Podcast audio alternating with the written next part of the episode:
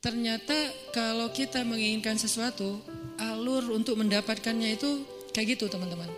Satu, percaya sama rencana Allah. Disebut dengan istikharah, minta pendapat Allah. Istikharah ini dalam konteks pembicaraan kita malam ini bukan sekedar ibadah sholat dua rakaat. Walaupun secara ritual dia adalah sholat dua. Tapi secara nilai dia bukan hanya soal sholat dua rakaat tapi soal bergantung kepada Allah, minta pendapat Allah, nanya kira-kira menurut Allah gimana nih? Terus Allah jawabnya lewat siapa? Nah Allah menjawabnya lewat istisyarah. Pertama istikharah, minta pendapat Allah. Ya Allah beri saya petunjuk, ini mau gimanain, ini apa yang harus saya lakuin. Nanti Allah nitip jawabannya lewat istisyarah. Istisyarah itu meminta nasihat orang-orang yang lebih paham, ulama, kiai, ustadz, uh, siapa lagi, guru, orang tua, orang yang lebih bijak dari kita yang banyak pengalaman dalam urusan tersebut. Kita minta pendapat mereka, biasanya Allah nitip jawaban itu melalui lisan-lisan mereka yang terjaga. Karena memang Allah mengatakan Allah, wali-wali Allah itu ketika dia sudah dekat dengan Allah, maka pendengar eh, apa Allah menjadi pendengarannya, Allah menjadi penglihatannya. Maksudnya yang dia lihat itu sesuai dengan yang Allah inginkan, yang dia dengar itu hanya yang Allah ridhoi, yang dia ucapkan hanya yang Allah ridhoi. Artinya lisannya, telinganya, matanya udah terjaga selain pikiran dan hatinya pastinya terjaga. Nah orang kayak gini tuh utusan Allah setelah Rasulullah SAW dalam wujud ulama, dai, bukan dalam wujud nabi dan rasul karena tidak ada lagi nabi setelah Rasulullah.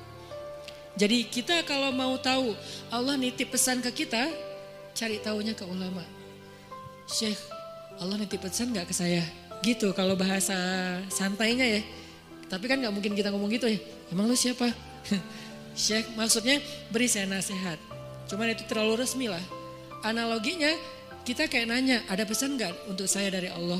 Lewat siapa nanya pesan untuk saya dari Allah? Lewat orang solih yang lisannya terjaga. Biasanya Allah akan titipkan pesan lewat lisan mereka untuk kita. Ini namanya istisyarah. Meminta isyarat. Isyarat itu bahasa Arab yang jadi bahasa Indonesia. Isyarah jadi isyarat. Isyarat itu arti petunjuk. Jadi kalau ada yang ngasih isyarat berarti ngasih petun, petunjuk. Itu arti sebenarnya dari isyarah. Jadi istisyarah meminta isyarat atau meminta nasihat yang sifatnya menunjukkan jalan mana yang baik yang harus kita jalanin. Karena Allah nggak bicara langsung kepada kita dalam bahasa wahyu kecuali apa yang sudah diwahyukan di Al-Quran. Karena yang bicara langsung dengan wahyu itu kan hanya para nabi. Kita kan nggak bisa langsung wahyu turun dari langit. Saya baru dapat wahyu, nggak bisa kan? Kadang-kadang kita kayak kegeeran gitu, saya baru dapat ilham, padahal bukan ilham gitu kan. Ilham dari siapa dulu nih? Bisa jadi ilham dari wasawisus syaitan. Siapa tahu ilham kita tentang komen, tentang caption, tentang postingan, tentang repost, broadcast, itu bukan dari Allah, dari setan karena tidak terjaganya kita. Kalau para ulama, insya Allah mereka terjaga, Allah yang jaga mereka. Sehingga insya Allah ilham mereka itu nggak dari mana-mana. Apalagi mimpi ulama itu adalah benar mimpi nabi wahyu, mimpi ulama benar. Itu satu tingkat di bawah para nabi. Bahkan disebutkan mimpi ulama adalah satu bagian dari 70 bagian kenabian. Nabi itu kan punya banyak bagian kenabian, nubuah namanya. Nah satu bagian dari 70 bagian itu adalah mimpi yang benar dari seorang ulama atau orang soleh. Sehingga saya merasa bahwa minta nasihat dan apa minta doa dari Habib Ali Zainal Abidin itu bagian dari isyarah.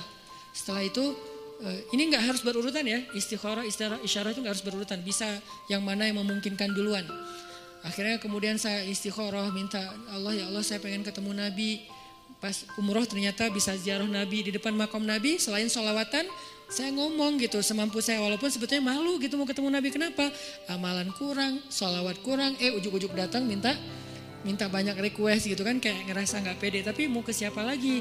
Meminta nasihat dalam bahasa uh, kayak apa ya kayak orang lagi berkunjung gitu.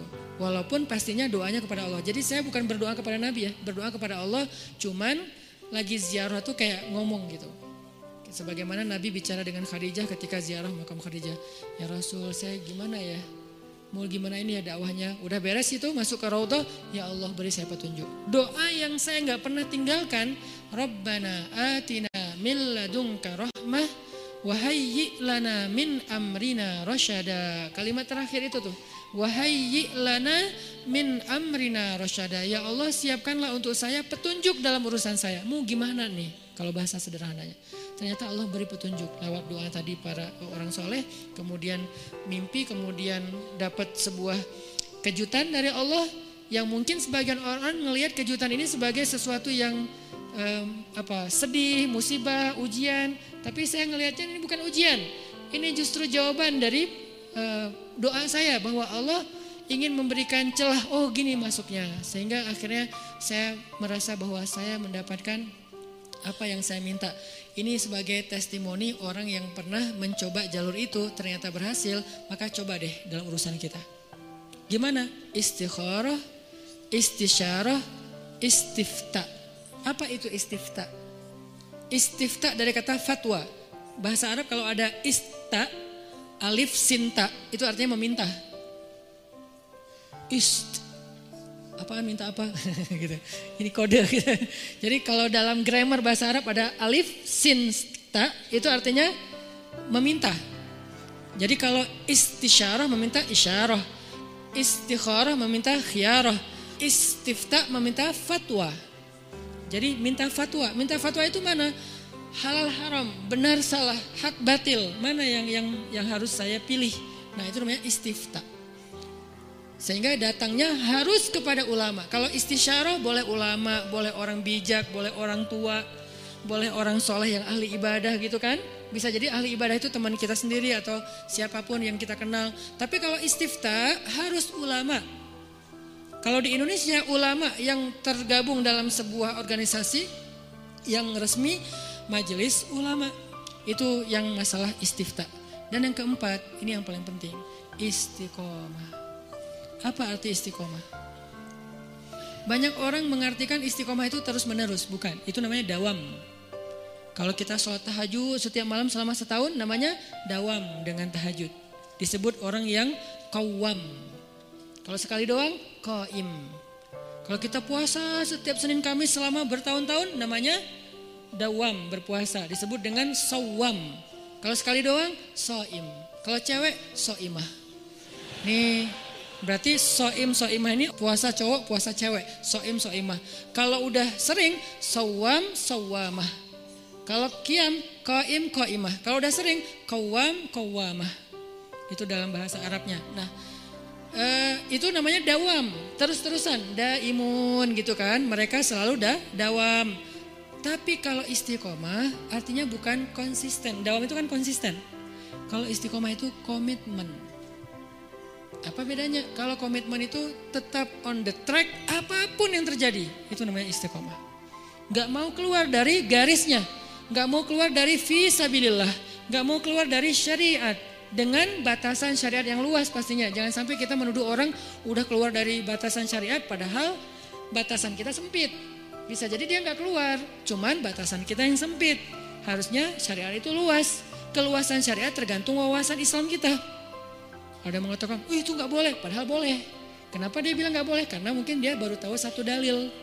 Itu haram, padahal makruh. Itu makruh, padahal e, mubah gitu kan.